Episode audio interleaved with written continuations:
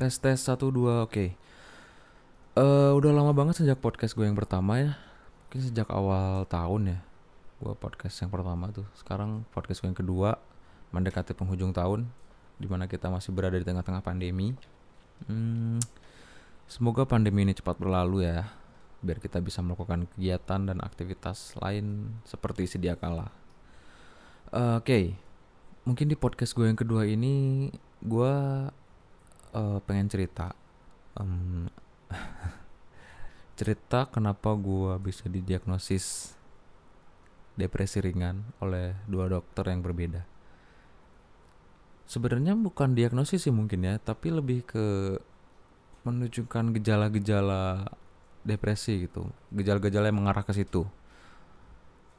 Eh, Oke, kenapa gue bisa didiagnosis? Awalnya pada saat SMA gue mulai mulai merasakan ada yang ada yang salah sama diri gue, ada yang nggak beres. Dan pada saat itu gue memang udah ada kepikiran untuk mendatangi seorang psikolog gitu pada saat SMA. Cuman karena masalah duit ya kan, anak SMA duit dari mana ya kan? Ya udahlah gue mengurungkan niat gue untuk psikolog. eh, ya udah gue self healing aja. Apa yang gue rasakan pada saat itu? em, gue kasih beberapa contoh kayak mungkin hal-hal yang sederhana kayak susah tidur, nggak percaya diri, terus minder, terus em, apa lagi ya? Eh, susah berso- bersosialisasi, susah antara susah dan tidak mau, susah dan tidak mau bersosialisasi gitu. Andai hidup ini gue bisa hidup sendirian gitu loh, gue nggak keberatan, gue akan jalani itu dengan senang hati, terbiasa dengan kesendirian gitu terdengar sederhana kan? Susah tidur nggak percaya diri sama minder. Cuman ketika itu berlangsung lama berkelanjutan tanpa ada triggernya gitu loh. Eh lama lambat laun akan pengaruh sama mental kita gitu. Dan itu yang gua rasakan. Hal-hal itulah yang bikin gua kepikiran buat nemuin seorang psikolog gitu buat konseling tapi seperti yang udah gue bilang karena gue masih SMA dana gue terbatas jadi ya ya udah gue urungkan niat gue dan memasuki eh, zaman kuliah gue masih merasakan eh, hal-hal yang mengganggu gue tadi gitu. Cuman karena eh, mungkin pada saat kuliah gue gue eh, membatasi diri gue juga. Gue jarang jarang banget bergaul kuliah pulang kuliah pulang kuliah pulang gitu aja gitu. Eh ya bergaul sesekali cuman lebih sering menghabiskan waktu di kamar lah intinya gitu. Di kamar dan di rumah karena gua dulu pas kuliah sering pulang ke rumah. Gua kuliah di Jakarta kan terus rumah gua di Bandung jadi gua sering banget pulang ke rumah gitu. Nah memasuki dunia kerja eh, hal-hal yang mengganggu gua tadi itu kan masih ada kan Cuman yang gua rasain itu malah semakin parah. Misalnya gini kita ambil contoh satu eh, susah tidur atau gangguan tidur. Gua dari zaman sekolah, zaman kuliah udah mengalami gangguan tidur itu, gua susah tidur. Cuman bedanya kuliah sama kerja kan kalau kerja kita full Senin sampai Jumat pagi sampai sore. Kalau kuliah kan enggak. Kalaupun ada mungkin itu bisa dibilang hari sial gua gitu. Kuliah dari pagi sampai sampai sore atau bahkan sampai malam itu bisa dibilang ya sesekali aja hari sial gua nyebutnya bisa nyebut kan. Kan kalau kalau kerja kan enggak. Terus di situ gua mikir kalau kebiasaan ini terus berlanjut dan entah sampai kapan bisa gua hentikan itu pasti akan berpengaruh sama kehidupan gua, ke tubuh gua, ke kesehatan mental maupun fisik gua gitu itu pasti akan berpengaruh. Em, mungkin orang yang denger eh, beberapa orang yang denger ini mungkin akan dengan mudahnya bilang ya udah lo tinggal atur pola tidur lo aja kenapa? Apa susahnya? Gak semudah itu bagi orang-orang seperti gua untuk mengubah suatu kebiasaan yang sudah berjalan selama bertahun-tahun itu sangat susah gitu hubungannya udah ke mental gitu bukan ke kalaupun memang bisa gua hentikan kenapa nggak dari dulu ya kan? Kenapa nggak pas dari zaman kuliah aja gua udah atur pola tidur tapi kan buktinya gua nggak bisa hentikan itu semudah itu gitu loh. Ada banyak faktor lah. Banyak faktor yang mempengaruhi gue kenapa gue bisa jadi seperti ini gitu. Faktor lingkungan faktor uh, kondisi mental yang sudah terbentuk dari gue kecil dan lain-lain pokoknya kalau misalkan gue ceritain detail mungkin gak akan cukup satu episode. Oke mungkin atas dasar itu ya udahlah gue memutuskan untuk cari psikolog. Gue gue cari tahu sana sini di medsos di Google di orang-orang yang gue pikir tahu gitu kan. Oke temu. Gue datengin suatu rumah sakit yang letaknya nggak jauh dari kantor gue gue ngurus administrasi bla bla bla bla. Dek temulah gue sama dokternya psikiater. Dan di situ gue bingung. Gue nggak tahu harus mulai dari mana. Karena gue dari dulu memang nggak pernah cerita masalah apa pun sama siapa pun gitu.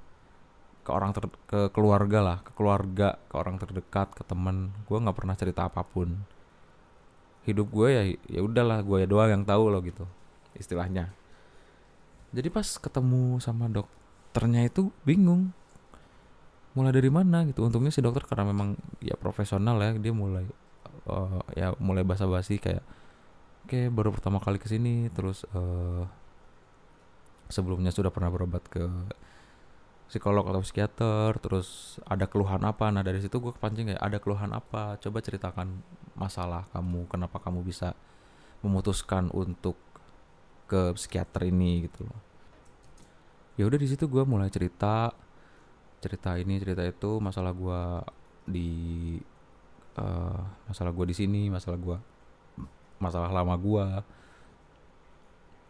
bahkan gue sampai nangis di situ dan si dokternya sampai bilang kamu ini adalah orang kesekian ratus yang nangis di hadapan saya sampai seperti ini gitu.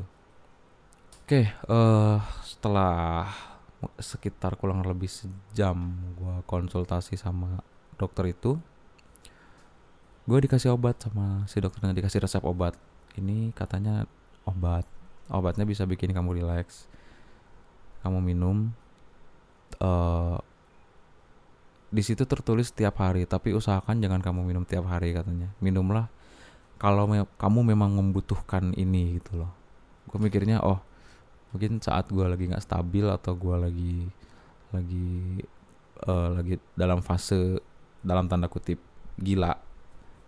Aduh bukan gila sih. Gue nggak gila. Uh, pokoknya ketika gue ngerasa nggak stabil gue baru minum itu gitu. Dan itu pun gue minumnya setengah dulu gitu katanya. Dan yang setelah yang dan yang gue rasakan setelah minum obat itu memang sih gue merasa lebih rileks dan mood gue jauh lebih nggak jauh sih cuman mood gue gue rasakan membaik beda gitu loh setelah efek efek setelah minum obat itu dan gue jadi lebih mudah tidur ketika malam gue habis minum obat itu. Nah di resep obat itu gue kan uh, bawa tuh ke buat ditebus sama obat. Nah pas di ada catatan-catatan dokter itu gue lihat diagnosis episode depresi ringan tanpa gejala apa gitu. Pokoknya diagnosisnya uh, episode depresi ringan tanpa gejala. Somatik atau psikosomatik apa gue lupa pokoknya. Terus gue di situ kayak hah? Berarti gue depresi dong? Atau apa nih? Padahal si dokternya memang gak ada bilang gue depresi nggak ada bilang secara gamblang oh jadi gini kamu kamu depresi gini. Nggak nggak nggak kayak gitu cuman gue di situ baca diagnosis depresi ringan bla bla bla bla bla. Terus sama di bawahnya ada resep obat yang benar-benar nggak bisa gue baca gitu. Terus gue tuker ya udah gue dapet dapetin obatnya. Uh, dan di situ memang cukup mahal ya. Konsultasi konsultasi sama obatnya uh, beda gitu. dan cukup mahal gue yang gue rasa cukup mahal uh, setelah itu gue nggak mau nyerah di satu dokter itu aja karena oh gue depresi ya. Tapi gue masih pengen cari tahu ke dokter lain gitu. Ya udah gue cari dokter lain. Uh, yang kali ini disebutnya psikolog. Kalau yang tadi kan psikiater. Lebih ke pengobatan medis memang kalau psikiater katanya. Kalau uh, psikolog dia lebih mengedepankan konseling uh, daripada pemberian obat. Oke gue coba ke psikolog. Uh, sama pas pertemuan pertama gue juga mulai cerita masalah gue masalah uh, ini itu pokoknya gue cerita. Uh, setelah cerita itu gue dijadwalkan untuk pertemuan kedua dua minggu ke depan. Karena gue rasa masih sama kayak dokter yang sebelumnya ya kalau namanya pertemuan pertama kan masih ngawang-ngawang gitu pas pertemuan kedua sama gue cerita cerita cerita cerita juga. Cuman dia bilang katanya mood gue pada saat pertemuan kedua itu jauh lebih baik daripada saat pertemuan gue yang pertama. Karena pada pada saat itu posisinya uh, mood gue lagi baik yang gue inget ya. Lagi lagi seneng lah. Jadi kebawa gitu kan. Terus gue uh, penasaran dong pengen uh, dok bisa nggak sih saya tahu kondisi kejiwaan saya bisa nggak sih saya tahu kondisi psikologis saya ini gimana? Apakah saya ini uh, depresi atau cuman stres biasa atau bahkan amit-amit bipolar gitu-gitu? Gitu oh bisa katanya. Terus gue dikasih kayak semacam kertas gitu kan kayak tes.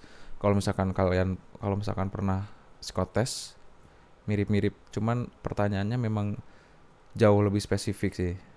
Kayak uh, ketika kamu mengalami hal ini apa apa yang kamu rasakan? Dan di situ ada kayak tingkatan-tingkatan jawabannya gitu. Ada yang ada yang oh saya biasa aja atau yang paling parah saya pengen mati ketika saya merasakan ini kayak gitu gitulah dan setelah gue isi tes itu gue serahin ke dokternya dihitung ternyata hasilnya tetap sama. Hasil dari perhitungan dokternya tetap sama gue kena depresi ringan katanya. Dan di situ gak cuman sebatas ngisi tes doang kita gue ditanya satu-satu pertanyaannya gitu.